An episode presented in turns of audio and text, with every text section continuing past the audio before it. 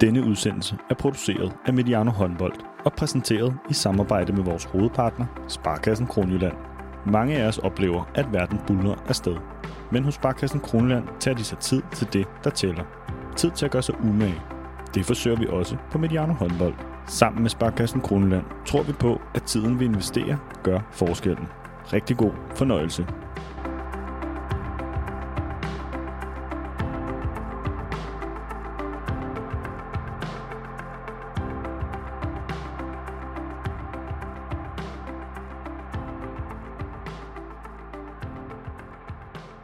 Velkommen til Mediano Håndbold og vores 8. afsnit i serien, som vi kalder Jagten på Sandheder. I dag skal det handle om slutspil, og vi vil sågar også forsøge at bruge data til at blive lidt klogere på særligt herrenes slutspil. Sidst vi var sammen i denne her serie, der havde vi Business Intelligence Consultant hos Systematic AS, Anders Guldbrand Pedersen med os. Han er med os igen. Han sidder faktisk ved siden af mig her med sin PC, og han har leveret en stor mængde data til os, som vi nu skal øh, bruge til at blive lidt klogere på herrens slutspil. Velkommen til, Anders. Jo, tak skal du have. Du er klar til at taste ind, og øh, hvis vi skal spørge dig om noget, så har du store datamængder med. Ja, jeg vil forsøge, og jeg har i hvert fald forberedt lidt hjemmefra, og så må vi se, om det dækker. Og hvis I kommer med noget ud over det, så må vi kigge på det. Det er godt. I løbet af episoden. Du kan være min wingman her og være overdommer, hvis, når jeg siger noget vrøv undervejs. Men i dag har vi også vores øh, to faste deltagere, Peter Bristof Larsen og Henrik Mølgaard, som med os til, og, og de skal være med til at gøre os klogere på alt det, vi har glædet os til i, i slutspillet. Lad mig starte med at sige velkommen til dig, Peter. Velkommen. Ja, tak skal du have. Vi optog en lignende udsendelse sidste år ved samme tid. Den blev hørt, vil jeg sige, ret meget. Der er, det er der nemlig også data på lyttertal, Anders, kan jeg sige. Så nu gør vi det igen, og vi taler om slutspillet ud fra brugbare data i håndbold. Vi skal tale om slutspil, og vi skal tale om data fra den danske liga. Peter, hvis vi lige skal give lytterne en lille bitte forsmag, hvad er noget af det, som sådan har stukket ud for dig? Nå, men jeg synes jo, at, øh, at øh, det er spændende, at øh, 7 mod 6 antallet af afslutninger, det viser sig, at øh, antallet af afslutninger øh, stiger hen over sæsonen og piker i maj. Øh, det er tallene fra, øh, fra sidste år. Og det vil sige, at, øh, at man starter ud på et eller andet niveau rundt omkring på holdene. Og stille og roligt finder man ud af, at nu er det alvor. Og så kan vi jo komme med synsninger om, hvorfor er det egentlig så, de piker, når det bliver allermest spændende, allermest vigtigt. Og det kan jo være fordi, at det er i desperation. Det kan jo også være på grund af en føring måske. Men det er ingen tvivl om, at det er jo et meget aktivt værktøj i krisesituationer når man virkelig for alvor skal have vendt slagets gang, jamen så er det 7 6, og, og det viser data et meget tydeligt øh, billede af. Godt, det kan vi vende godt tilbage til. Jeg sidder allerede med et par spørgsmål til det, men den, den, den tager vi. Vi skal også lige sige velkommen til dig, Henrik Mølgaard. Velkommen. Tak. Vi skal tale om slutspil og alt det, som vi er blevet klogere på. Jeg synes måske, der nok vil være nogen, der sidder og lytter med her, når vi taler slutspil, som tænker, Henrik Mølgaard, Aalborg, Ribe Esbjerg ude. Hvad skete der dernede i, i dokken? Ja, det er jeg ikke selv blevet øh, helt klog på endnu. Øh, og det kunne godt have været det, jeg har undret mig mest over i lang tid. øh, jamen, det korte svar er vel, at øh, sådan noget sker en gang imellem. Men, men det her var jo ekstremt. Og, øh, og jeg tror sådan, alle ja, sol, måne og stjerner stod lige pludselig bare øh, forkert for os. Øh, fordi det var en kamp, der var, der var lukket. Og, øh, og vi havde den start på slutspillet, som vi egentlig skulle have. Vi havde arbejdet os til en... Øh, til en solid føring og havde styr på det, og så ramlede alt de sidste ja, 4-5 minutter. Øh, mange dårlige beslutninger, alt faldt også øh, Ribe Esbjergs vej, øh, og så blev det nervøst, og så øh, tror jeg egentlig, vi skal være glade for, at kampen ikke var længere. Og det der med nervøst og intensitet, og er det også fordi, det er slutspil? Ja, det er det jo. Øh, og det er jo også derfor, at, øh, at jeg er stor tilhænger af slutspil. Øh, selvom at... Øh, at nu har vi spillet, at det ved jeg ikke, hvad spiller vi, 26 kampe, og så, øh, og så starter vi på sin vis forfra, så er det jo nu, at øh, de bedste, de skal vise, at de er de bedste. Øh, men, men det bringer jo også en anden nerve ind i, øh, i turneringen igen, og, øh, og den blev vi så selv offer for her i sidste uge. Og nu sidder vi og taler sammen her. Det er mandag, du, og når vi er færdige her, så skal du til Holborg og spille den næste kamp i, i, øh, i slutspillet. Bare mens vi taler sammen her, hvordan er sådan jeg har sagt, situationen hos dig og hos Aalborg lige nu? Den, øh, den ligner sig selv, vil jeg sige. Øh, jeg tror ikke, at øh, Stefan Madsen han så for alvor skal udtage et hold endnu. Øh, det er stadig dem, vi sådan lige kan, kan ringe ind fra, øh, fra nær og fjern. Øh, men øh, vi glæder os. Øh, nu er det tilbage i, øh, i egen hule, og vi fik ikke øh, helt den start, som vi havde håbet på. Men, øh, men til gengæld så øh, ved vi også godt, at med den position, vi har fået via at vinde grundspillet, så øh, skal vi trods alt også bare holde hjemmebane. Og øh, hvis der er noget, vi kan finde ud af, så er det trods alt det. Og når I hører det her, så har I så spillet jeres, øh, jeres kamp nummer to mod Kolding. Hvis vi bare lige skal la- la- være lidt spåmænd, så kan folk høre, hvor godt vi har ramt det. Hvad bliver det for en kamp? Åh, oh, det bliver modbydeligt. Jeg synes, de er gode, øh, og vi på en eller anden måde ligger dårligt til dem. Vi øh, tabte dernede i sæsonen, øh, og vi øh, var uhyre under pres i øh, grundspillets sidste runde, hvor vi, øh, jeg tror faktisk, vi bærer med fire på et tidspunkt i, i anden halvleg, og, øh, og måtte jo også selv ty til 7 mod 6. Øh, vi blev selv ramt af det i en stor del i den kamp. Øh, det spiller de rigtig, rigtig godt og klogt, øh, og en lille smule anderledes end, øh, end øh, nogle af de andre hold også. Øh, og det, øh, det bragte os da nogle problemer. Øh, og så var vi selv nødt til at ty til det de sidste 20 minutter, tror jeg, hvor vi så fik, øh, fik det vendt, øh, og jeg tror, den ender 24-22 måske. Altså uhørt lavt scorende kamp i Aalborg. Jamen, øh, det får vi at se. Jeg glæder mig i hvert fald til at se kampen i aften. Vi skal have, som Henrik var inde på, vi skal have undringer, og vi skal helt ned i detaljerne, som vi plejer at gøre det. Men før vi lige kommer til det, så kunne jeg godt tænke mig, at vi lige gør lidt mere ud af det der med, hvad slutspil egentlig er for noget. Dem, der lytter med her, de vil vide, at vi her på kanalen plejer at være ret glade for slutspillet, som så Peter, mås- måske, og det er du også kendt for, hvad er det, for, hvad er det som et slutspil? Hvad, hvad, hvad giver det håndbolden? håndbold? Jamen altså, vi vil jo, øh, man kan kigge på det på mange måder. Øh, hvis vi kigger på det rent sportslige, så vil vi rigtig gerne have for eksempel nogle landsholdsspillere, som kan eksekvere under et maksimalt pres på en øh, absolut bestemt dag. Og øh, det skal man gøre til mesterskaber. Det er super godt at træne dem i det øh, i et slutspil, hvor man øh, altså har udvalgte dage, hvor, hvor man absolut skal spille godt. Så, så det at træne mennesker i at skulle performe på bestemte tidspunkter, det synes jeg er super fedt. Og så øh, synes jeg øvrigt også, det passer godt sammen med at lave et rigtig godt øh, fjernsynsprodukt og øh, tilskuerprodukt. De øh, begge dele, tilskuere og tv, elsker, at der er noget på spil i, øh, i kampene for alvor. Så, øh, så på den måde, så, øh, så er, er slutspillet også attraktivt øh, for de parter. Så for alle, synes jeg, spillets parter, der er det bare en gave. Henrik, du har prøvet at være en del af ja, øh, den danske liga i mange år med slutspil. Du har også prøvet at spille i en, en stor liga uden slutspil. Mm. Men jeg hørte dig sige, at du er glad for slutspil. Hvorfor?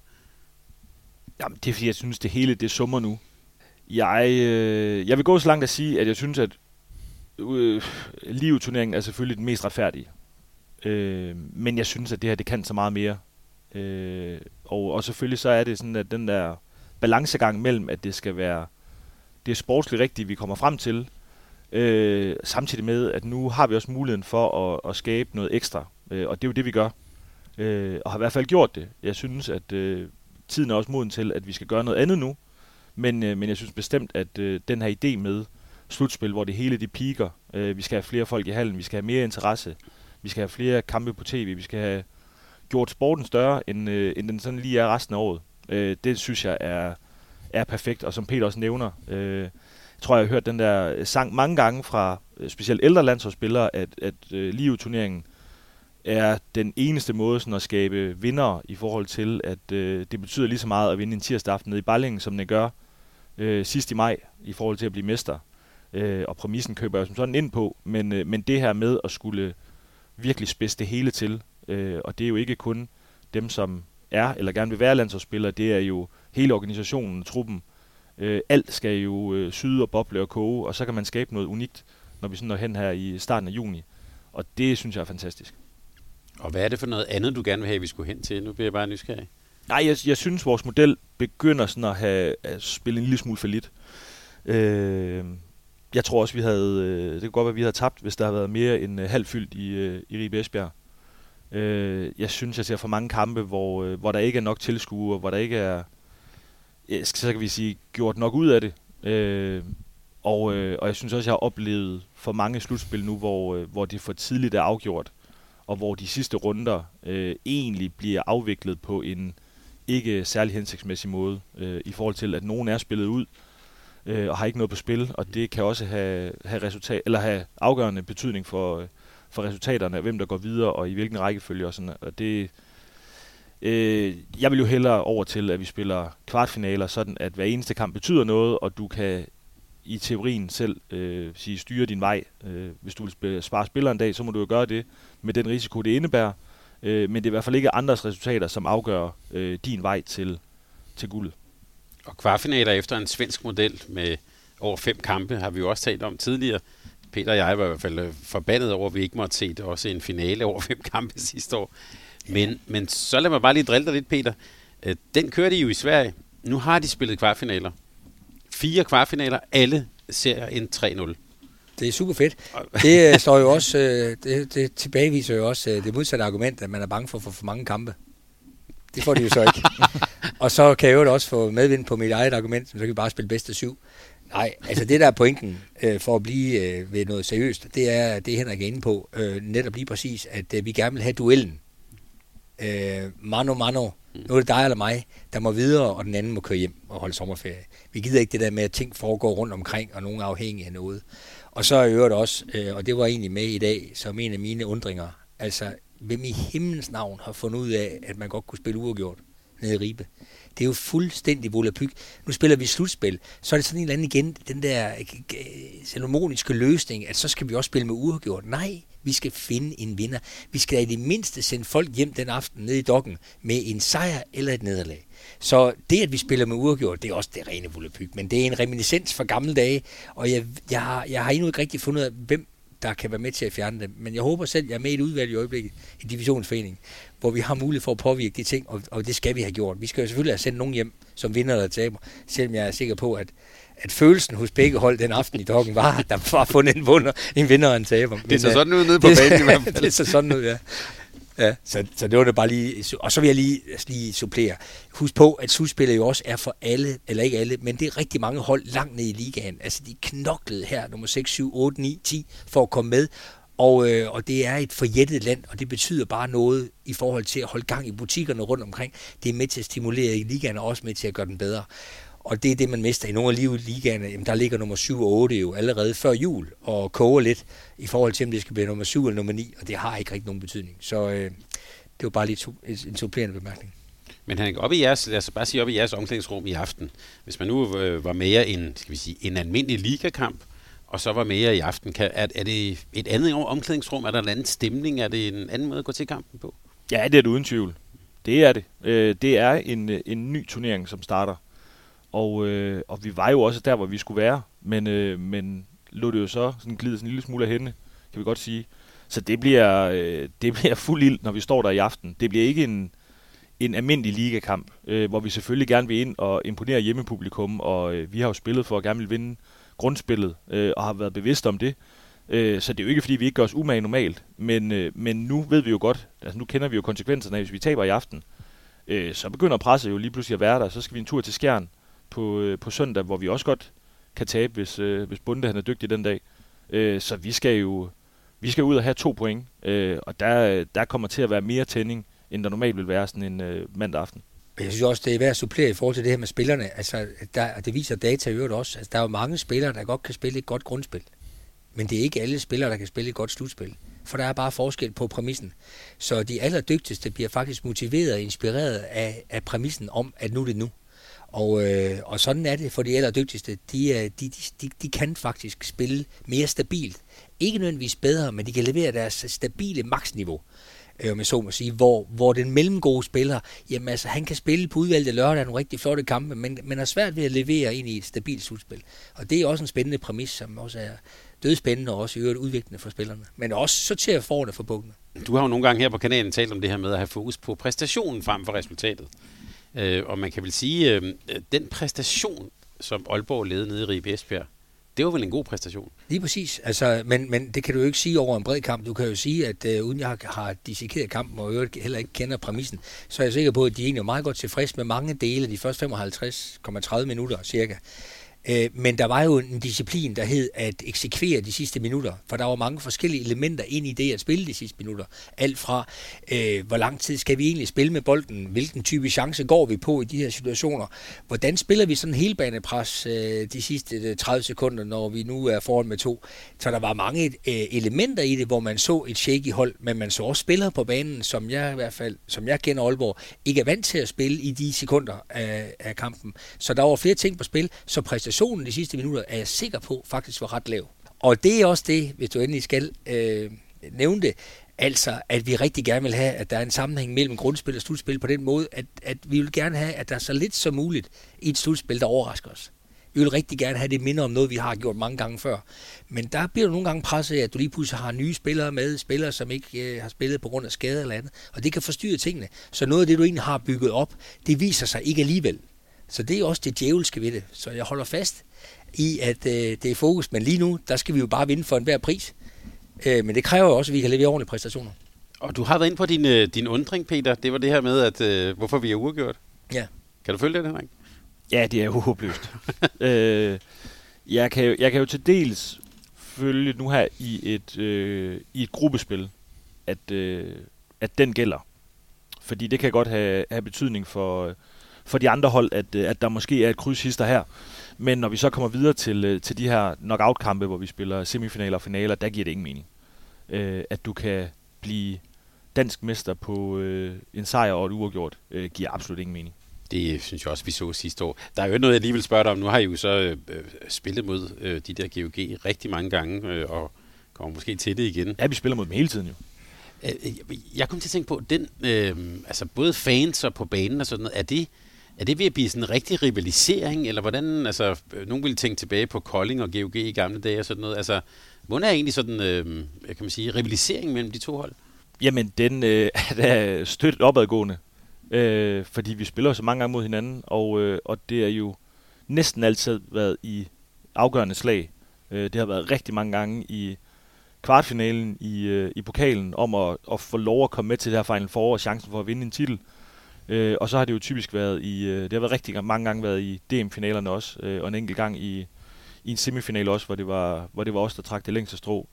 Øh, så øh, jeg vil ikke sige, at vi sådan render rundt og hader hinanden, men, men der begynder jo at være nogle fede historier, som sådan er hele tiden sådan lidt, lidt ongoing. Øh, og nu øh, løber vi så også ind i hinanden i, i Champions League, som øh, ja, for nogen er det jo bare to opgør, øh, og, og bygger sådan på den her fortælling, men det var jo et andet regi nu. Øh, og selvfølgelig så betyder det da noget, at, øh, at vi blev slået ud af den største europæiske turnering af et andet dansk hold, dem vi ligger og bokser allermest med.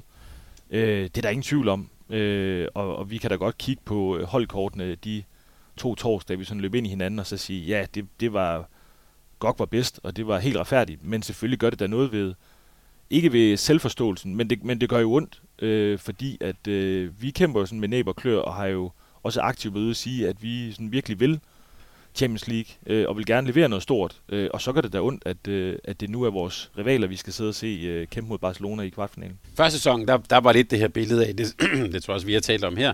Aalborg, så den, den store førerhund, og så var der nogen, der skulle jagte dem. Det var så GOG. Er det forhold stadig på den måde? Ja, altså i det store billede, øh, og, og nu skal vi sådan måske trække det ud over nogle, øh, nogle år og, og brede det lidt ud i forhold til øh, tilskuer, økonomi, øh, vokseværk, øh, alle mulige ting, øh, ja, så vil vi stadig være den store.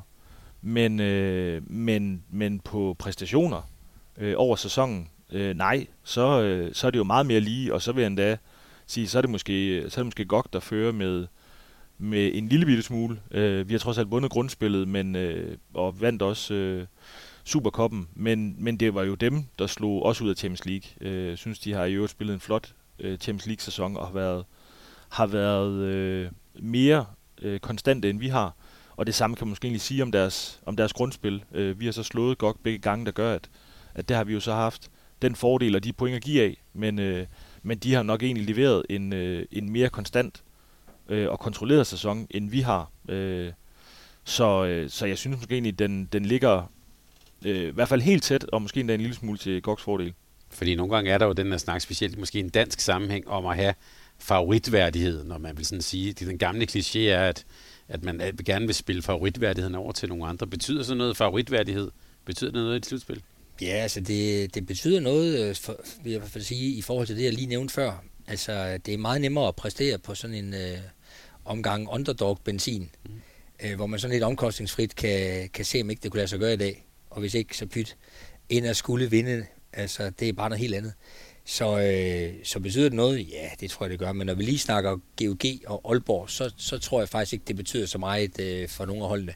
det, de er begge to, øh, og Aalborg har det kvæl deres erfaring, og, og GOG er hurtigt blevet voksne og erfarne, så jeg fornemmer ikke, der er nogen forskel på de to hold på det område. De har begge to øh, lyst til at være favoritter, faktisk. Jeg synes, det er spas. Ja, det er jo også i de fleste kampe, I stiller op i, så, så måske, måske giver det lidt sig selv.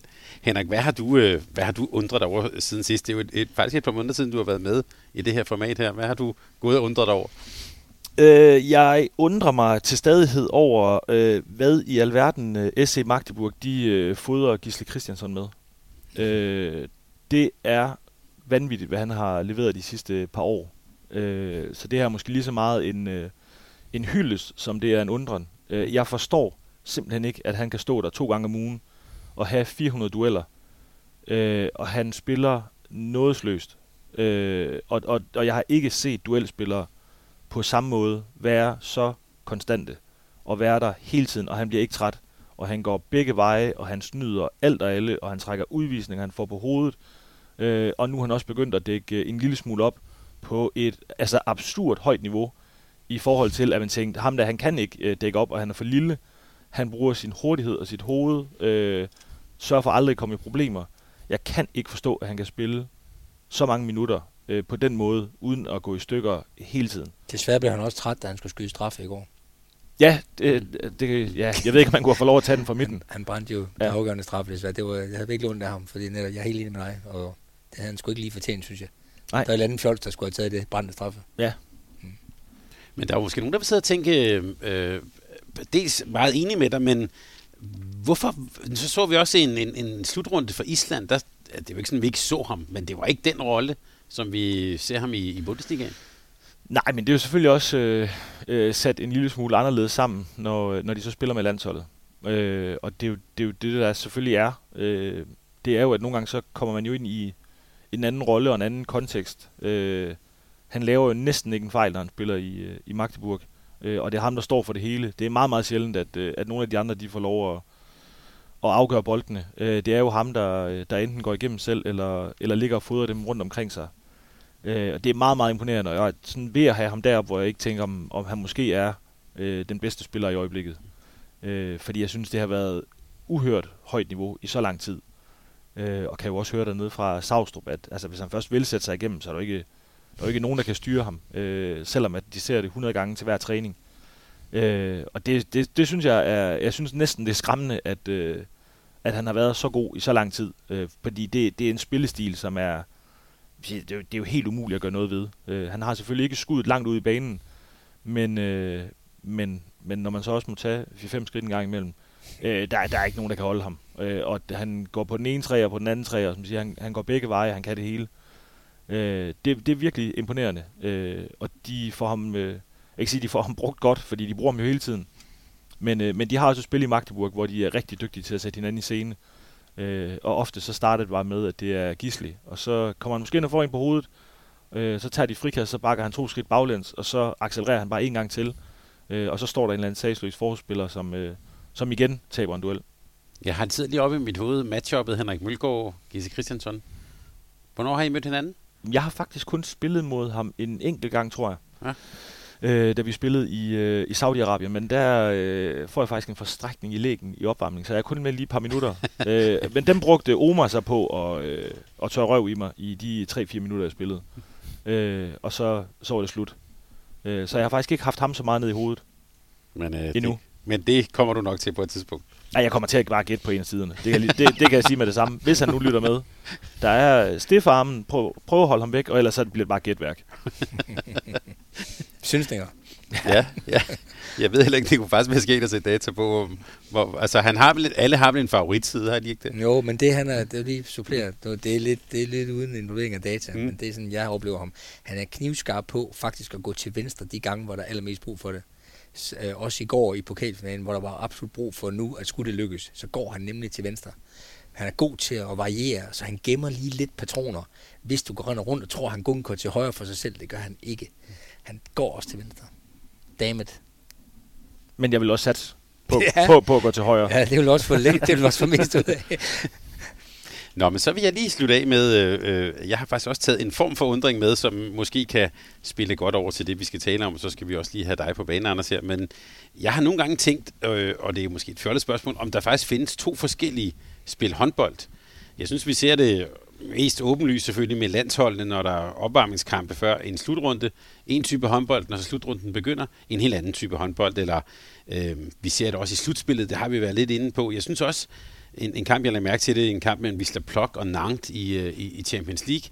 Altså, der kom lige pludselig en helt anden nerve og en, en intensitet ind det, fordi nu var der noget på, øh, på spil. Øh, jeg sad og så, så det her, i den her weekend har der jo været kvalifikation til ungdoms-DM, og det er jo hold, der plejer at vinde spille 30-28, så pludselig bliver kampen 18-16 og sådan noget, fordi der pludselig kommer den der fight, intensitet, nerver på. Så måske skal jeg starte med at spørge dig, Peter, når vi nu vi taler slutspil og kampe, der betyder noget, er der nærmest to forskellige typer håndbold? Nej, det synes jeg ikke. Det vil være det desavouere grundspillet. Der bliver faktisk også gået rigtig pænt til den. Øh, og han har stor respekt for, hvor vigtigt det egentlig er også at vinde de kampe, synes jeg. Så, øh, så der er ikke er på den måde øh, øh så, i så, så, dybt, så stor forskel på den måde. Men der er ingen tvivl om, at øh, slutspillet, øh, der intensiveres tingene.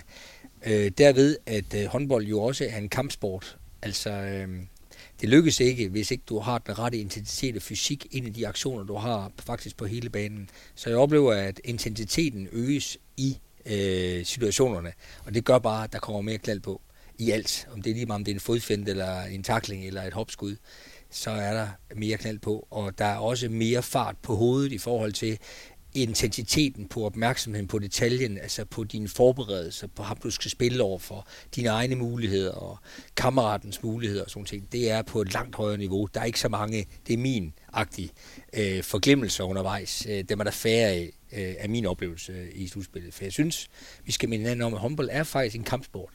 Altså det kræver rå kraft at være med. Kan du genkende det billede? Ja, det her meget, meget flot øh, sat op øh, og, og så skal vi også huske, at det er jo også, i hvert fald hos øh, herrene nu, det er jo de otte bedste hold, der er tilbage. Altså det er de største og stærkeste og hurtigste øh, og, og bedste hold, øh, sådan groft, groft skåret ud. Øh, og derfor så, øh, så bliver det, det bliver mere tæt nu. Altså der er ikke øh, den her øh, bløde mellemkamp på, øh, på onsdag. Altså det er de bedste, vi har herhjemme, som øh, knaller ind i hinanden nu. Og, øh, og vi ved godt, og vi har alle sammen været i problemer sådan mod hinanden, sådan lidt på kryds og tværs, så det hele bliver intensiveret nu. Øh, og Peter har fuldstændig ret i det her med, at der er langt færre af de her, øh, ja undskyld, jeg stod lige og sov, eller jeg var ikke lige, øh, ikke lige vågnet op efter min lur i bussen-agtige øh, hændelser.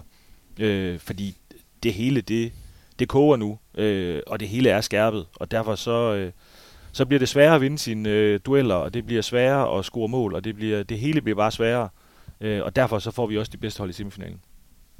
Men der er en af de ting, som I har gravet frem her, som måske også siger lidt om det, nemlig øh, antallet af udvisninger. Altså forskellen på, det er så forskellen på grundspil og slutspil. Jamen der er, øh, altså der er, der er faktisk færre udvisninger i slutspillet. Ikke signifikant færre udvisninger, men der er færre udvisninger. Og det er jo interessant at sidde og komme med sine egne små sandheder og synsninger om, hvordan kan det dog være?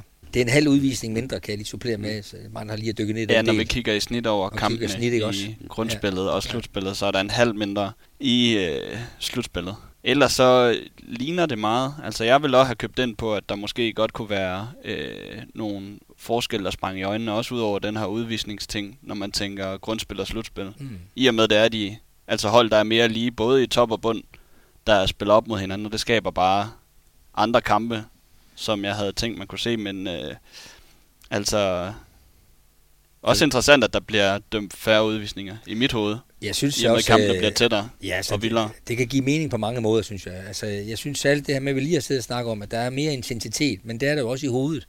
Så du er meget mere forberedt på dine opgaver. Det vil sige, der ikke, kommer ikke de her halve situationer, som dommeren kan, kan, kan vurdere til en udvisning. Du har heller ikke for stor forskel mellem øh, en angrebsspiller og en forsvarsspiller, som du måske i højere grad vil få mellem et tophold og et bundhold. Så du får altså ikke de her mere sådan udstillede situationer, hvor, hvor, der, hvor der ofte vil være udvisninger. Det tror jeg helt klart er en væsentlig årsag. Så tror jeg da også på, at dommerne også går ind til kampene og sådan tænker, nå, nu er det slutspil, og, og så, øh, så må vi også godt gå til den, så længe den inden for øh, spillets øh, rammer, så, så må vi godt give, give den lidt ekstra gas. Men så er der vel også to forskellige typer spil? Altså hvis, det også, hvis, hvis dommeren også tænker sådan, om det er en anden kamp. End Nej, en... det, det, det skal ikke beskylde dem for at gøre, men, men, men der er en præmis altså, mellem spillets parter. Altså, alle er med på, at nu er det slutspil, og, og, og hvad betyder det? Jamen så, så, så skal vi ikke have øh, nogle små, øh, ah, det er min-agtige blandt spillerne, men det skal vi jo heller ikke mellem dommerne. Ah, vi, vi tager lige en udvisning. Altså, det, det gør man ikke. Nu, nu, nu skal en udvisning skal virkelig være der nu, ikke? Sådan for alvor. Så det, det er bare det er bare mit egen synsninger. Jeg tror nu mest på den der med, at jævnbyrdigheden er større i kampene i slutspillet, fordi det er det bedste hold, som Henrik var inde på, men også at spillerne, altså at det er vanskeligere at, øh, at få de situationer, hvor der kan blive en udvisning. Det er vanskeligere. Nu dommer, er det en anden linje, der er i de der kamp?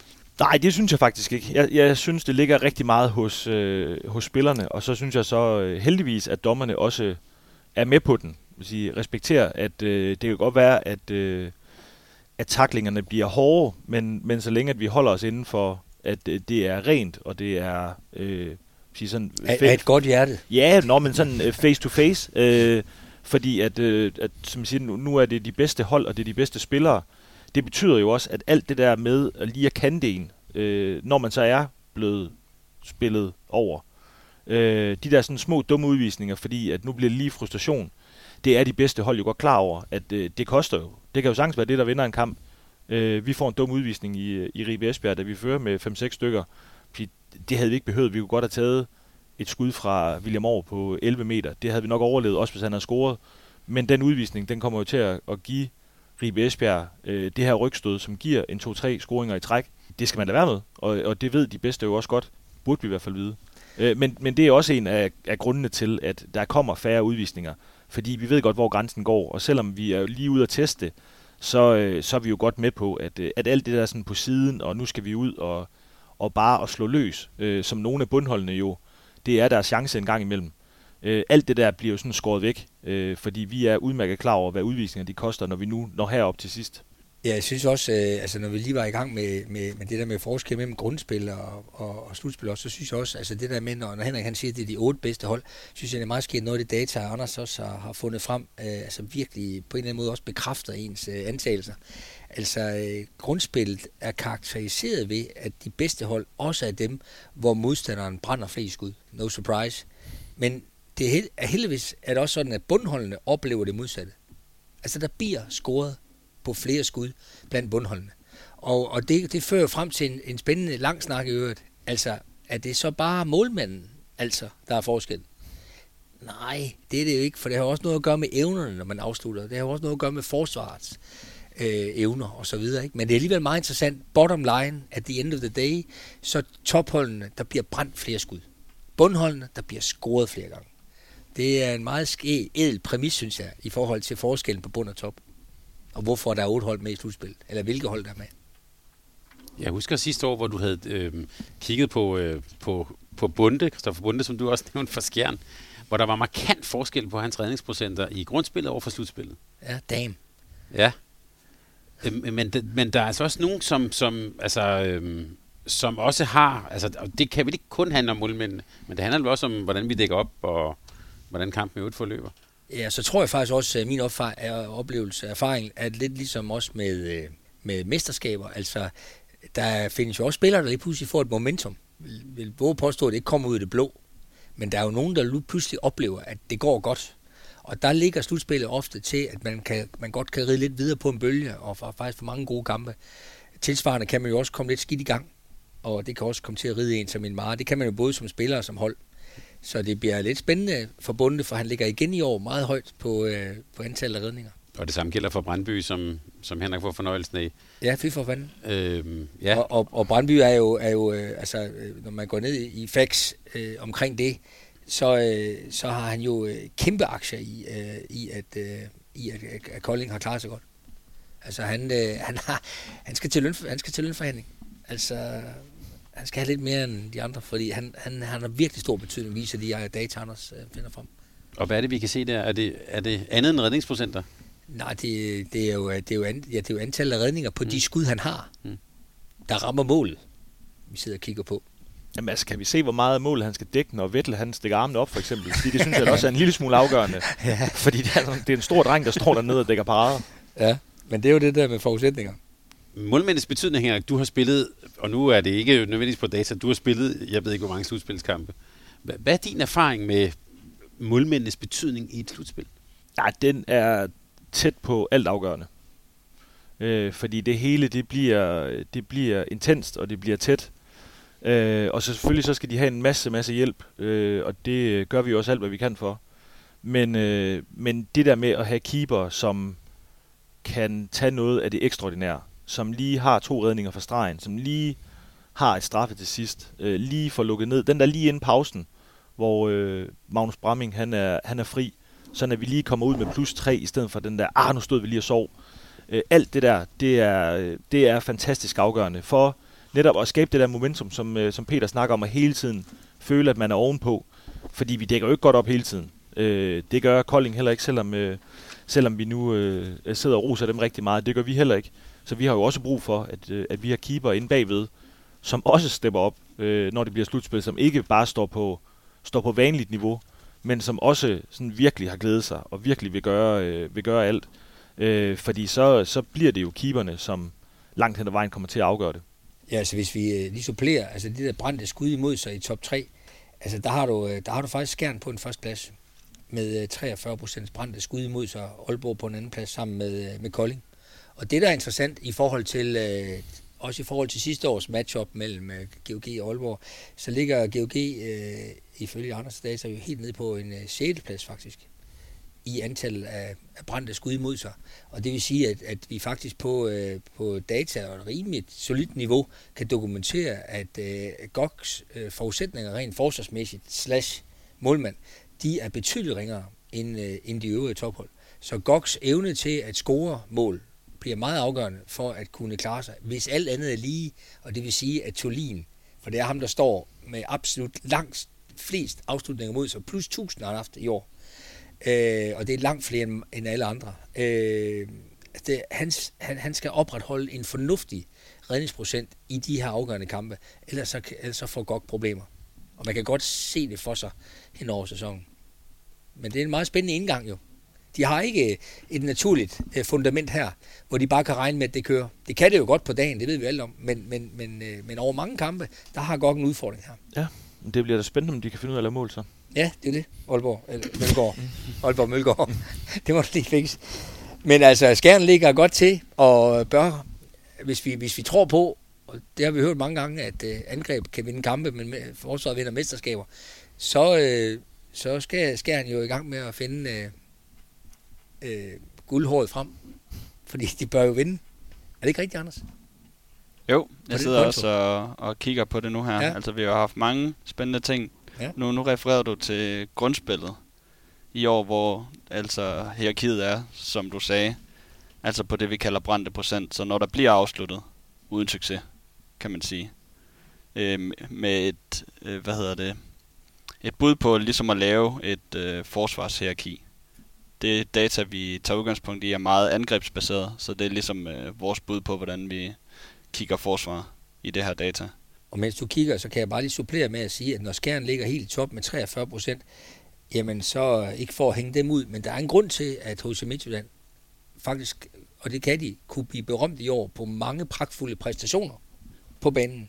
Men altså, der, øh, de ligger langt, de ligger helt i bund på, øh, på brændte skud. Altså helt nede på 33 procent. Det er altså 25 procent under øh, skærm. Og det vil sige, at øh, Midtjylland skal virkelig lave mange gode ting ude på banen for at opveje det. Altså, du kan virkelig lave mange for det bare kryds. Det hjælper ikke en skid. Og øh, det synes jeg er helt analogt med min forestilling om sæsonen, at Midtjylland har faktisk spillet en langt bedre sæson på banen, end på en antyder. Enig. Enig, de har spillet rigtig, rigtig fint, og ja. de har jo også tabt mange med sige, en og to, og, ja. Og egentlig været i, øh, i førersædet. Så jeg vil ikke, jeg, jeg, skal, jeg er slet ikke inde i at klandre de, på, de, de pågældende målmænd isoleret set, det er jeg ikke. Men det er klart, de har en fælles udfordring her. Så et rigtig godt håndboldhold og mange gode bakkryds. De vinder bare ikke, fordi der går alt for mange mål ind den anden vej. Vi kender det. Vi har alle sammen prøvet at være på nogle hold, hvor vi, øh, hvor vi savner simpelthen bare lige nogle redninger. Vi synes faktisk, vi gik og lavede nogle fornuftige ting, og gode indkast og noget. Men det gik bare ikke alligevel. Altså, det, det er djævelsk ved den her sport. Det er derfor, at Landin han skal til Aalborg. Er det ikke rigtig Mølgaard? Det er i hvert fald også derfor. Ja, Ikke for at klandre dem, der er der hørt. Men, men det, som jeg også hører jer sige datamæssigt, det er jo noget, vi også har hørt øh, Nikolaj Krighav sige her på kanalen. Vi skal bare score nogle, altså nu karikerer det lidt, men det er lidt, vi skal bare score nogle flere mål. Ja, men der, der, vil jeg bare, der vil jeg lige minde om, altså hvis vi lige spoler filmen tilbage til, da det skulle afgøre sidste år, øh, hvor Bergerud decideret bare skulle i sænk og komme ud, og så komme ind og afgjorde det, og øh, genoplevede GOG i den finale. Ikke? Det var jo en dygtig målmand. Altså, der, der virkelig gjorde en kæmpe forskel i det der sidste kvarter. Så, øh, så de skal ikke spole tiden ret lang tid tilbage, før GOG godt kan huske, at det var godt, de havde en god målmand. Det, det bliver i hvert fald et problem, når man er bagud med fire. Altså, det er fint, du selv bliver ved med at lave mål, men ja. hvis, du ikke, hvis du ikke kan få stoppet det den anden ende, ja. så er det jo ligegyldigt, ikke? Ja. Plus at, som Mølgaard siger, der, der, altså, nu, er vi, nu er der bare brug for at få taget de bolde, som, som der er en mulighed for. Kan den gå ind? Ja, men du skal tage dem. Altså med jævne mellemrum, for ellers så vinder vi ikke. Men hvad siger du til den der ja, kliché, Peter var også inde på det, det er sådan noget fra, fra amerikansk sport, ikke? at, at angreb vinder tilskuere, og forsvar vinder mesterskaber. Holder den i håndbold? Ja, det gør den jo langt hen ad vejen. Så kan vi jo godt stå i en finale, hvor, hvor man selv kan lave uh, 39, og så er det jo fuldstændig ligegyldigt. Fordi så kan det være, at de andre laver 35, uh, uden at du har dækket godt op eller stået godt på mål, og så har du vundet alligevel. Men, men vejen derhen, øh, der skal du have stablet en solid defensiv og, øh, og nogle målmandspræstationer på, øh, sådan på benene, der gør, at, at, at vi sådan er rimelig sikre på, at, øh, at vi på en given aften kan slå de andre. Det er jo det, vi sådan bruger grundspillet til, øh, og så skal det jo eksekveres nu, fordi det er jo også vejen til at komme i de her forjættede DM-finaler igen, det er jo at få sådan en, en bastion, at få en sikkerhed, og så kan det jo godt være, at man lige pludselig står i en finale, hvor, øh, hvor det er nogle andre dyder, der skal til, fordi at man kan ikke få kittet tingene sammen øh, og så må man ud af hekse, og så kan man prøve 7 mod 6, og man gør alle mulige ting. Men det bliver jo sådan på enkeltkampsbasis. Øh, vejen derhen, den er brolagt af stærke defensive præstationer. Da sæsonen startede, sad vi faktisk i, i det her studie, og jeg kan huske, vi talte om den her, ja, vi talte om ændringer, men primært måske den nye hurtige midte. Vi talte om frekvens, flere skud og sådan. Øh, kan, kan vi sige noget om det? Har der været mere gang i den? Flere skud? Flere angreb? Vi kan i hvert fald se, at øh, en af de ting, jeg lagde mærke til, det er, at GOG har øget, øh, hvad hedder det, antallet af kontra, eller i hvert fald afslutninger, de kommer til på kontra i den her sæson, kontra de, når vi kigger sidste år. Og det er både når vi, eller de sidste to år faktisk, det er både når vi taler slutspil og grundspil. Øh, så der kan jeg se, at de har fem flere afslutninger øh, i grundspillet i år, end de havde sidste år næsten præcis. Okay. Øhm, og med, med højere, eller øh, lige så høj effektivitet. Når vi taler kontra, skal vi lige disclaimer, at der taler vi jo både første, anden og fasen og hurtig midt, altså vi hele baduljen med mm. i perspektivet. Det er ikke kun øh, første fasen. Og der er også der er også flere gode omkring kontra. Altså øh, Aalborg øh, øh, er, er gennemsolid på den måde, de har høj scoringsprocent i kontra. Og det er for mig også et godt billede af et hold, der, der har en rigtig god fornemmelse af, hvad man kan og hvad man ikke kan. Øh, og de lider lidt under, at de har langt færre afslutninger. Jeg har også, som min fornemmelse vil være, at, at, at de også har skruet lidt smule ned for gassen, også af bemandingsmæssige årsager. Øh, man har altså den højeste scoringsprocent. Tilsvarende øh, øh, Ribe og BSH, som ligger på en del tredjeplads på antal afslutninger, har kun, en, har kun en, en scoringsprocent på 68, altså ligger noget lavere end de to øverste hold. Det vil sige, her bliver der sådan lidt, øh, nu bliver det lidt på dagen, om, øh, om det lykkes. For der bliver taget nogle, der bliver taget større chancer, men når det lykkes, så er det giftigt.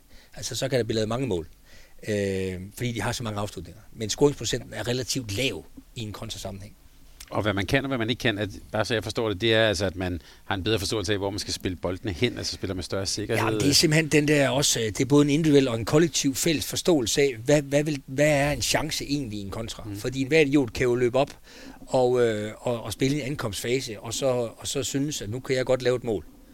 Men øh, hvis øh, sandsynligheden for at score er tilpas lav, så går den jo ikke ind hver gang.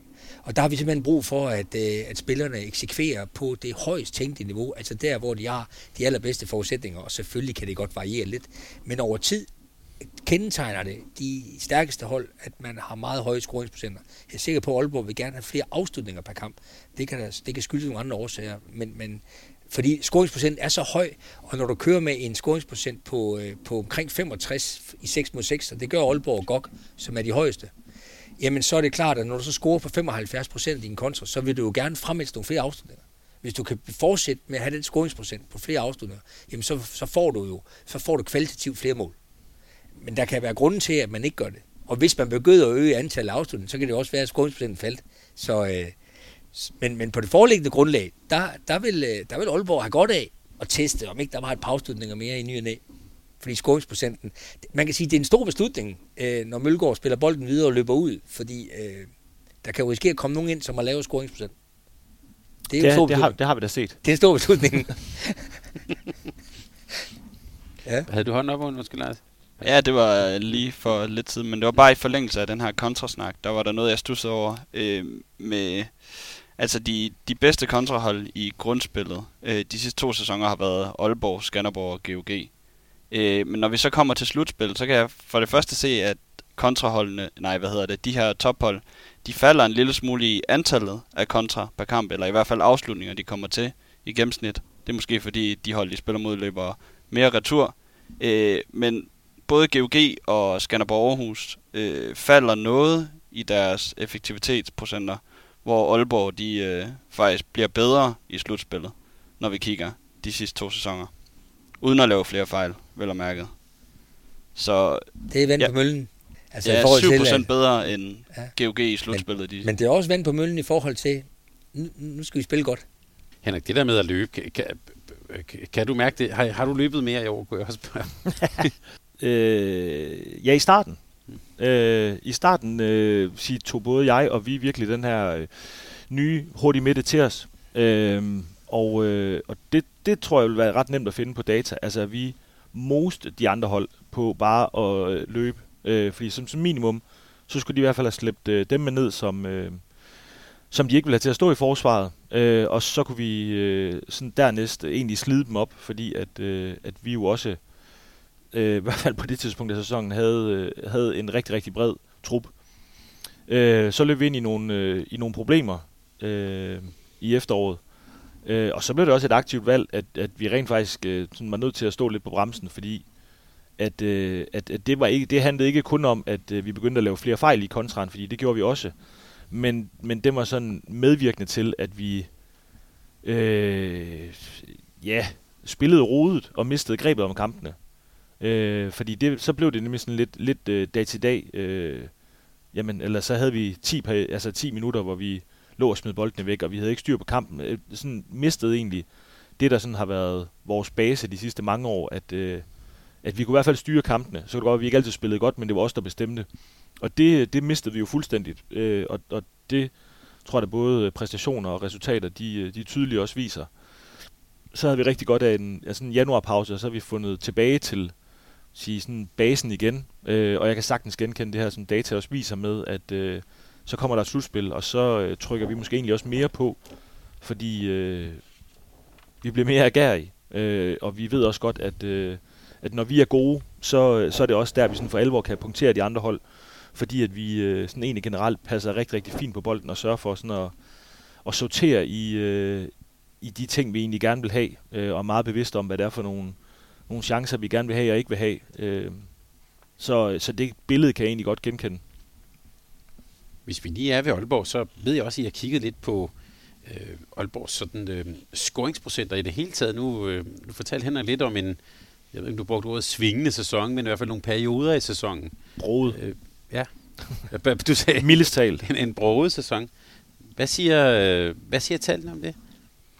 Nu, øh, mens øh, Henrik så snakket, så fik jeg lige hurtigt. Vi har jo en, en maskine, havde jeg lyst til at sige. Det er nok det, der er lettest at forstå. Men hvor vi kan kigge på nogle af de her ting relativt hurtigt. Og der kunne jeg tydeligt se, altså det med antallet af kontraafslutninger hen over sæsonen. At der startede i med at snit sådan 14 i september og 15 i oktober, og så er helt ned på øh, 8-9 stykker her i marts-april. Mm. Lige op til slutspillet. Øhm, så det kunne jeg ikke lige lade være med at kigge på, da du nævner det. Øh, men der er scoring scoringsprocenter. Vi fik også et spørgsmål øh, inden den her, øh, inden vi skulle optage i dag, omkring øh, Aalborg før og efter VM. Øh, og de har haft en meget svingende sæson, hvor de startede øh, godt, når vi kigger scoringsprocenter, med faktisk det højeste for hele deres sæson, sådan 72 procent af deres afslutninger, som de scorer på. Øh, og så er det gået lidt op og ned med et, en skidt november måned og en, øh, en okay god december igen, og så øh, middelmåde i februar og marts, og så all-time low i april, hvor de så heller ikke har spillet så mange kampe. Øh, jeg lagde jo også mærke til, da jeg lige kiggede på de enkelte kampe, at Kolding er en af dem, I har haft rigtig svært, mod, øh, svært ved at score mod i år, hvor I ligger på de her 53 procent øh, i begge kampe, I spiller mod dem i år. Jamen, de som er, er det laveste, I, I har haft i hvert fald, når vi kigger over alle jeres kampe. Jamen, det er da også et hold, vi har haft store problemer med. På den måde har vi også øh, en meget spændende altså matchup, hvis man forestiller sig, at GOG, og det er de jo indtil videre andet bevis, de er klart bedste hold, der har været, og øh, en, godt og vel 10 point eller noget over, ikke? Ja, nummer 3 og 4.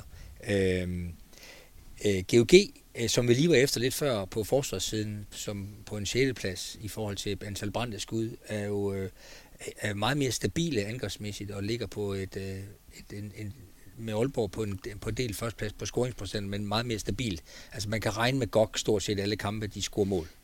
Øh, så det er sådan lidt forskellen på de to sæsoner, altså på de to hold. Altså, hvor er Aalborg egentlig henne? Øh, hvad er det for en, er det ulige måned eller lige måned i forhold til scoringsprocenten? Det kommer til at afgøre det. Øh, fordi de har, de har notorisk en mere stabil defensiv base end GOG og kan godt præstere, ligesom GOG i angreb. Vi kan næsten forestille os det. Men vi skal lige se virkeligheden. Altså, det, det er der ingen tvivl om. Det kommer, vi til at, det kommer vi simpelthen til at kunne se her i foråret. De to hold der i forhold til uh, de her præmisser. Det er meget, uh, meget interessant. Så Aalborg håndbold, som jeg har hørt dig sige, det er simpelthen det, er det store spørgsmålstegn ude i luften. Nej, altså de har jo heldigvis den her defensive base. Det, det, det, det kommer til at bringe dem til, uh, tror jeg, til finalen. Mm. Men, men om de bliver sådan, uh, altså om de sådan for alvor sådan kan slå sig igennem. Det bliver noget med, om, om man kan gen, genopfinde øh, offensiven, og det har selvfølgelig også noget at gøre med de spillere, der spiller og ikke spiller. Det er jeg med på. Men, øh, men det, øh, det viser data i hvert fald tydeligt. Og jeg synes også, at i den sammen, altså, det, det er meget spændende, når man sådan kigger ind i forskellige elementer af spillet, altså 6 mod 5 også, jamen altså, så, så er det jo meget interessant, når vi snakker om de to tophold, jamen de får også flest afslutninger i overtal. Det synes jeg også er meget cool. Det passer rigtig godt med mine forestillinger. Selvfølgelig gør de det. Altså, de får seks afslutninger per kamp Øh, øh, på, på, i, i overtal, og det er, det er væsentligt flere end de andre hold. Og, øh, og det, der så også er fedt ved det, det er, at, øh, at Aalborg er bedst på procenterne. Kendetegner igen et, øh, elsker det, når hold har gode procenter på overtal. Det synes jeg er sådan et godt eksempel på, at så har man fandme styr på det. Altså styr på mange elementer af spillet. Det er ikke lige meget. Men jeg vil sige, mange af holdene i slutspillet, altså de otte bedste, de kører faktisk på et relativt højt niveau, og det er sådan plus 75. Min oplevelse og erfaring er, at når du runder der sådan 80 procent i overtal på scoringer, så, så er du virkelig et tophold. Altså, så er du modbydelig at spille imod, for lige snart de kommer i overtal, så går det bare galt. Øh, og det handler jo om at spille sig frem til de øh, bedst tænkelige chancer, men jo også, at de spillere, der afslutter, afslutter i situationer, hvor deres hitret er vanvittig. Det vil sige, at vi er altså ikke helt ligeglade med, om det er Bjarne eller Benny. Vi vil helst have Bjarne til afslut. Og, og den forskel kendetegner bare de her tophold. Og igen synes jeg også, det er hyggeligt at kigge på øh, over for bundholdene. De ligger bare betydeligt lavere, helt ned på en 60-65. Øh, og det vil sige, at de ligger på en scoringsprocent, som ligger under GOG's Aalborg 6 på 6. Og, og kan man så bare skyde dem i skoene, at de er ringe taktisk? Nej, de har dårlige forudsætninger, spillerne. Og det vil sige, at de kan ikke eksekvere lige så vanskelige situationer på et lige så højt niveau med lige så gode procenter, som Aalborg godt kan. Men, men der er bare heller ikke noget at sige til det, at altså, Lemvi, og så må jeg lige nævne Sønderjysk og Tvis, jammerlige procenter, Sønderjysk og Tvis, måske mere end Lemvi, for de har bedre forudsætninger. Sønderjysk og Tvis har spillet en, en, øh, en, øh, dramatisk ringe sæson i overtal. Og det er en af de væsentlige årsager til, at de ikke kommer i slutspillet. Det vil være en hypotese, man godt kunne arbejde lidt med.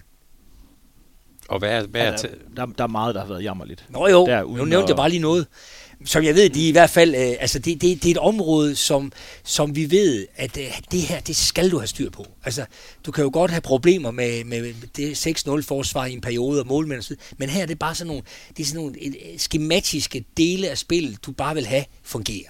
Slut. Og, og det har, du, selvfølgelig kan du finde to eller tre mænd, der kan levere et ordentligt overtal. Det vil være udgangspunktet. Det er jo ikke alle seks, der skal spille godt overtal. Det er måske bare to eller tre mænd, der sammen skal gøre det. Så, så det er, øh, der er ingen tvivl om, at det her, det, det, det er også fortælling om, hvorfor de ikke nåede slutspil. Det er der slet ingen tvivl om. Træner man det i sådan, i sådan en periode her? Ja da. Øh, altså, vi gør det da kontinuerligt, men, øh, men selvfølgelig gør vi det nu. Altså, vi øh, har der mange ting, vi sådan lige får genopfrisket, som måske ikke, vi ikke har haft brug for den sidste måneds tid. Det er i den grad øh, 7 mod 6, øh, både defensivt og offensivt. Øh, modtræk mod det, øh, sige, alternative ting. Hvad, hvad kan vi gøre, hvis, øh, hvis vores sådan, normale skematiske løsninger ikke virker? Hvad, hvad kan vi så finde på, hvis det nu er spiller A, B eller C? Øh, og og det, det er da klart, altså det er vi da nødt til. Øh, og selvfølgelig bruger vi noget tid på vores overtal, fordi en ting er, at det er... Øh, jeg vil ikke sige, at det er en stor del af spillet, men, men det betyder så meget for momentum i kampene. Øh, både kan du stå defensivt og spolere de andres, øh, lad os nu sige, øh, for at bruge et eksempel, da vi, øh, da vi slår GOG hjemme i, øh, i den første 8. finale i Champions League. Øh, vi vandt jo fantastisk meget energi og momentum på at få, få ødelagt de første øh, overtagssituationer for GOG.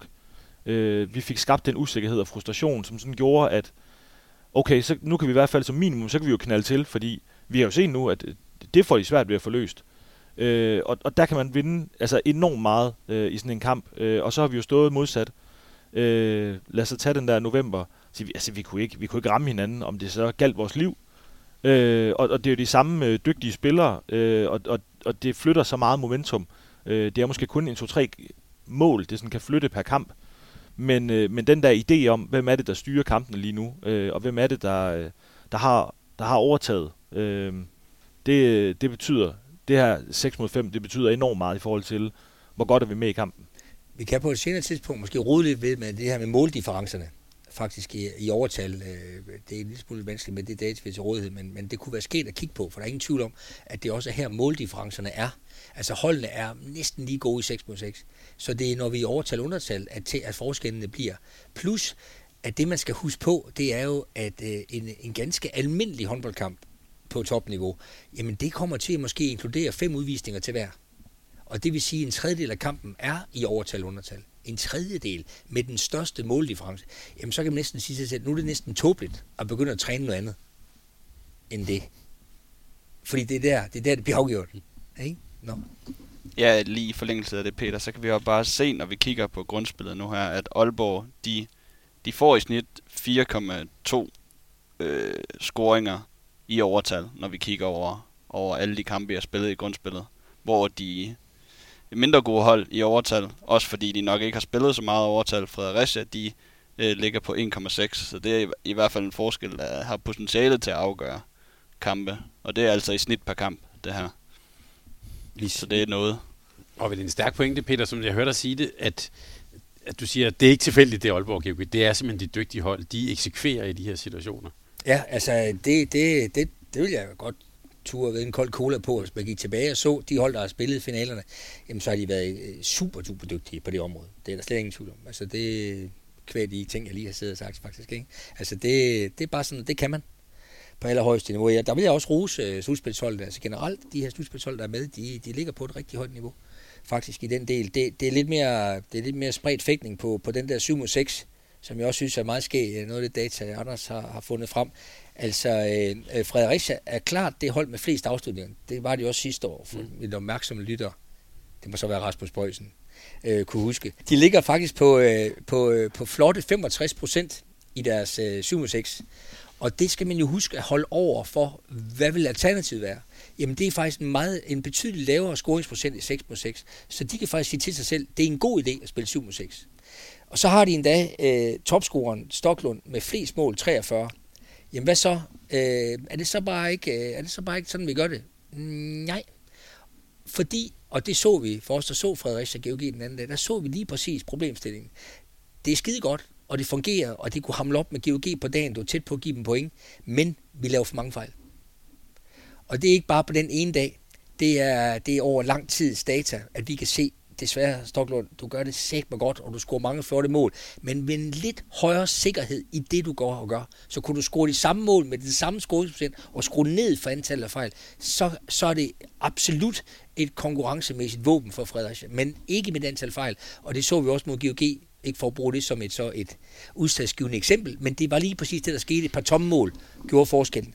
Så øh, Fredericia har noget her, som kan være spændende, og vi ser også øh, øh, skærn af, af dem, der øh, har højst øh, scoringsprocent, men øh, laver flest fejl. Øh, altså et godt stykke over 0,5 per mål, hvilket er alarmerende. Og øh, jamen, jeg skal ikke hænge nogen ud, men altså, det kom jeg så til alligevel lige før, så nu kan jeg så også nævne tangen. Altså, øh, det, det har gjort ondt, øh, når vi ser der 7 6 spillere. Det er klart, den slags data, det, øh, det, bruger, det bruger de andre hold jo i slutspillet, når man skal spille mod dem. Øh, og så har jo GOG jo, altså noget gemt i år, har jo øh, næst færrest antal afslutninger i grundspillet. Det er simpelthen ikke været nødvendigt for dem i år at rode med. Øh, så, så de ligger helt nede på tre afslutninger per kamp. Men, men som vi lige snakkede om før, øh, kurven på, øh, på antal afslutninger, den er stærkt stigende fra start til slut. GOG nåede kun tre i snit i grundspillet, men lurer mig, om ikke, når vi kommer godt i gang med slutspillet her, de også vil selvfølgelig øge antallet væsentligt. Og de har så været gode, når de har gjort det. Det er ja. også det, der er, altså når jeg kigger på GOG, så har, det, så har jeg undret mig lidt over det mønster, øh, som det ligesom viser, fordi de har spillet halvt så mange, kan man sige, eller de har spillet halvt så frekvent, øh, hvad hedder det, 7 mod 6 i år i grundspillet, kontra sidste år i grundspillet. Øh, og de har faktisk været ret gode, når de så har spillet det, og har faktisk den højeste scoringsprocent, når de spiller 7 mod 6, men de spiller det så heller ikke så meget som øh, de øvrige hold. Aalborg ligger noget højere op. De spiller næsten dobbelt så meget 7 mod 6 som GOG. Og, og det, der, det, der afgør det for de supplerer, det der afgør GOG øh, spil, både i 7 mod 6, 6 mod 5, 6 mod 6, det er også fejlmarken. Altså, fordi det går godt, når det går godt. Der, der, der kan ligge en lille risiko, det er, at fejlmarken bliver for høj. Ja, det var der, hvor jeg kunne se, at ja. sidste år i slutspillet, ja. der spillede de ikke så meget 7 mod 6, men de havde også en ret høj fejlmarken, noget højere end de andre. Øh, vi arbejder med det her udtryk, altså hvor mange tekniske fejl du laver per scoring. Altså hvis te- tekniske fejl var valutaen for at købe et mål, hvor meget skulle du så give for et mål? Og der havde de 1,42, altså per scoring i tekniske fejl. Øh, i 7 mod 6 i slutspillet sidste år. Så det kan godt være, at de har brændt nallerne der er, og tænkt... Det, har, det her det er outrageous dårligt. Altså, det, det, det er slet ikke rimeligt. Ja, cirka halvanden teknisk fejl per mål, du scorer. Nå, for jeg skulle jeg lige til at spørge, hvis de har været rigtig gode til det, ikke har spillet det særlig meget, og jeg så var Stefan Madsen, så ville jeg da sidde og tænke, nå, det kommer så. Det tror jeg, alle holder bevidst om. Nu, nu, øh, nu, nu kommer det. Altså, det, det, har vi, det har vi jo også data for. Altså, for at være helt faktuel, 75 procent flere afslutninger i slutspillet end grundspillet sidste sæson. 75 procent flere i, i slutspillet. Det, det er mange. I 7 mod 6, ikke? Ja. ja. Svarer det også til din oplevelse? Altså, det kommer mere her. Ja, men det, men det er jo tilbage til, at det er jo, øh, det er jo måske en anden turnering nu. Øh, mm. et andet spil. Fordi at øh, nu, nu er det jo ikke bare... Jo, det er point, vi spiller om, men, øh, men på et eller andet tidspunkt, lige om lidt, øh, hvis vi ikke vinder, hvis Kolding ikke vinder, hvis øh, Skjern ikke vinder, jamen så, øh, så begynder sæsonen jo sådan at lagt mod enden. Øh, så derfor så skal vi jo have smidt det hele ind, og vi skal have brugt alt, og vi skal have prøvet alt. Øh, så derfor så bliver det jo et, øh, det bliver et tema. Øh, og, øh, og der er nogen, som bare øh, spiller det vanvittigt godt, øh, og det er også et, et, øh, et våben i forhold til at, at forstyrre nogen af, lad os sige, topholdene. Øh, nu er det ikke, fordi jeg ikke synes, at top 8 det er topholdene, men, men det er jo et våben for, øh, for 6, 7 og 8 i forhold til at komme ind og få skabt den der overraskelse med det samme. Taber de de første to, jamen så, øh, så er slutspillet måske allerede over for dem.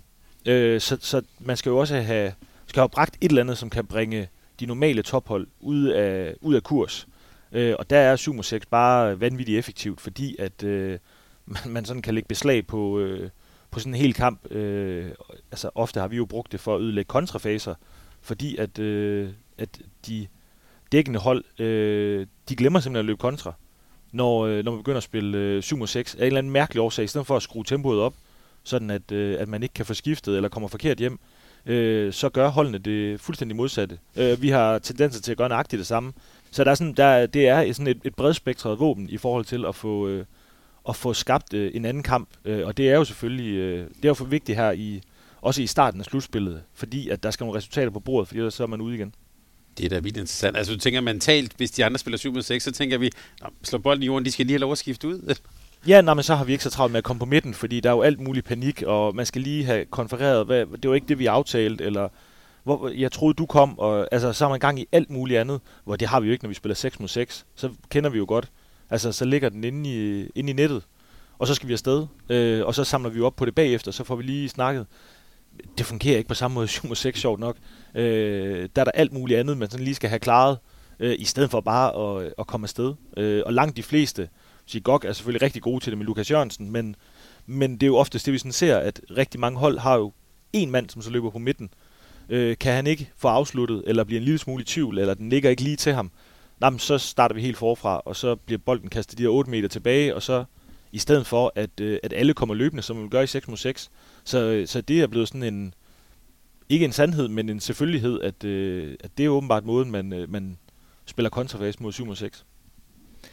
Jeg vil også bare lige supplere nu med et par highlights, som også uh, Anders har fundet frem mere på sådan det individuelle plan. Uh, først vil jeg nævne en, en spiller, som i øvrigt er højaktuel jo i dag, men uh, en spiller, som måske ikke engang kender sit værd helt.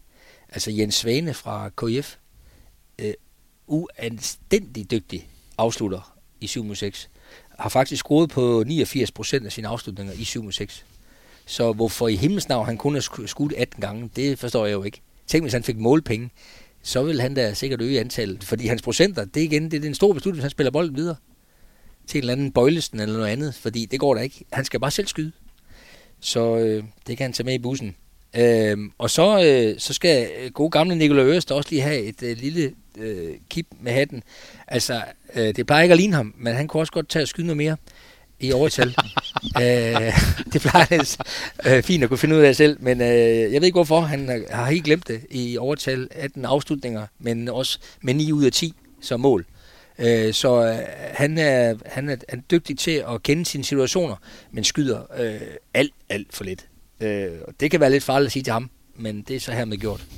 På et individuelt plan, Peter, der ved jeg også, at I også har kigget på nogle af, af sådan, hvad kan jeg sige, nogle af profilerne der. Hvad, hvad stikker ud der? Hvad har, hvad har, I, hvad har I set efter? Vi har bare, øh, vi har bare kigget. Der er mange skæge, fede historier. Altså for eksempel, øh, så skal vi da, øh, nu er Thomas Andersen jo blevet berømt her de seneste måneder for alvor, sådan for Store Danmark via sin landskampe.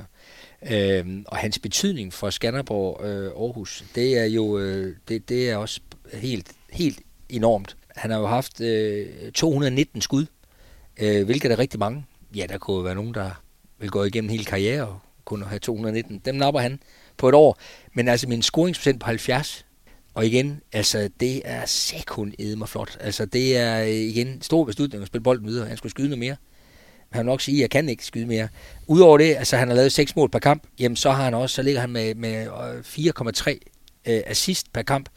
Øh, nummer to i Skanderborg, jeg tror, det er Morten Balling, han har to assist, og så kommer den næsten med en, eller sådan noget.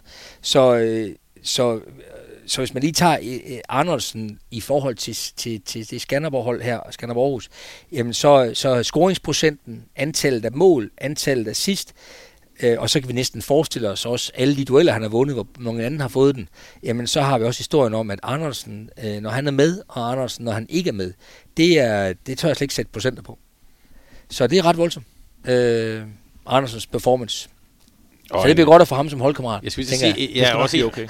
også, en, man, også en, du skal bokse med til træning. Han ja. kan vel også gå begge veje, så vidt jeg har set ham. En anden, som, vi også, øh, som jeg også synes er hyggeligt og, og lidt, lidt på hatten for, det er jo den gode uh, Mads Kjeldgaard Andersen, hedder han faktisk. Han, øh, det er jo en øh, goalgetter af rang, og en, øh, han er også en øh, fantastisk holdkammerat, fordi han altid spiller med stort energiniveau og engagement, og har også en øh, helt øh, fantastisk optimisme i sit spil.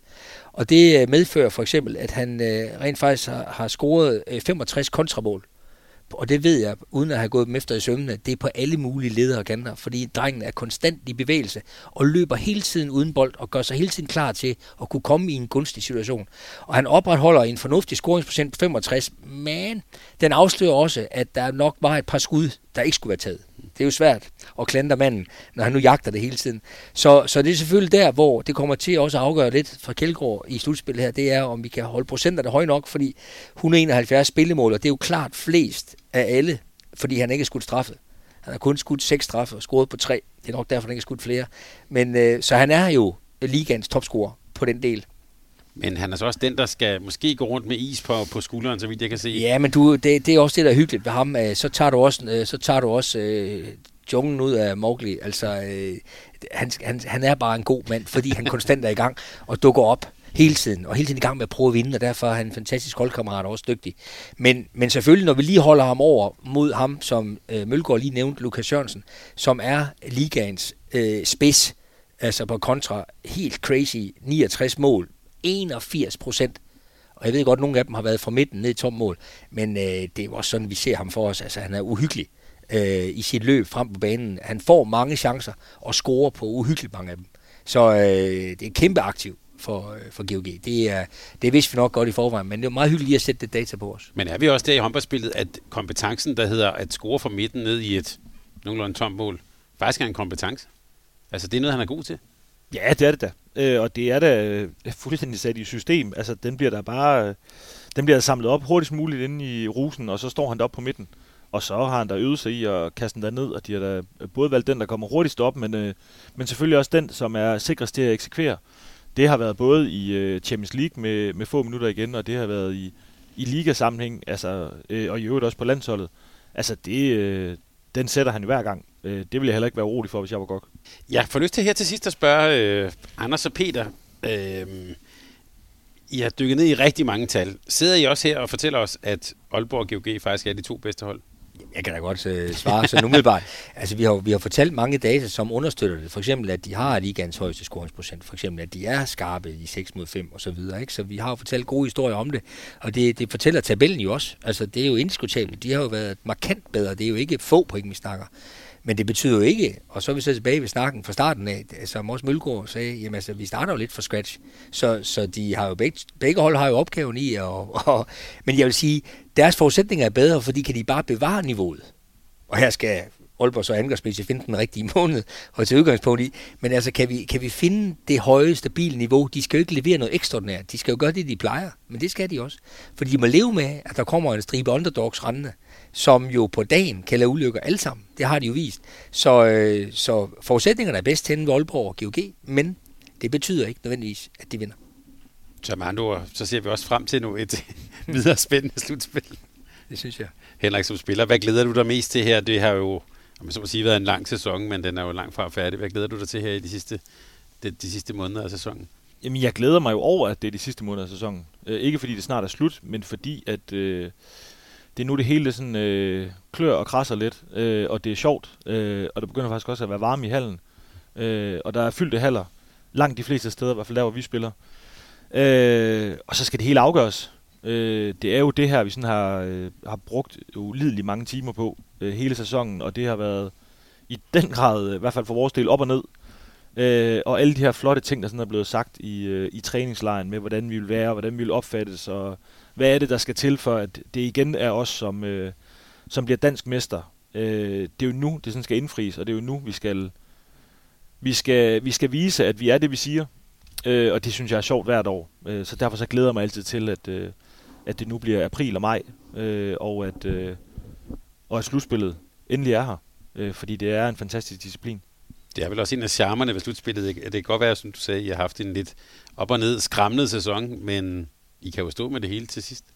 Ja, ja. Nå, men og, og prøv at høre. Øh, det, øh, ja, ud fra øh, forudsætninger og, og store drømme, så har det været skramlet. Men, men vi har jo stadigvæk, vi kom jo videre fra et europæisk gruppespil. Øh, ja, så røg vi ud i en kvartfinale i GOG på, øh, ud over vores øh, Danmarks bedste hjemmebane. Øh, det kan ske øh, lige en jul. Og, øh, og så vandt vi alligevel grundspillet. Så værre går det jo heller ikke. Øh, vi har været lidt udfordret af, at vi har skulle have nogle nye spillere ind, og dem vi har brugt mange timer på, øh, på øh, sådan skulle gøre det for os, og deres relationer, de har været lidt ind og ude, men øh, så er vi jo så glade for, at, øh, at vi er suveræne af dem, der bruger flest penge på lønninger, så vi også har en bred trup. Øh, så vi har jo ikke ondt af os selv, fordi altså, vi har stadig kvalitet til at, øh, til at blive dansk mester, uanset hvem vi stiller med. Øh, det viste vi også sådan en torsdag aften i, i Aalborg, da vi alligevel slog øh, GOG, så det kan jo sagtens lade sig gøre.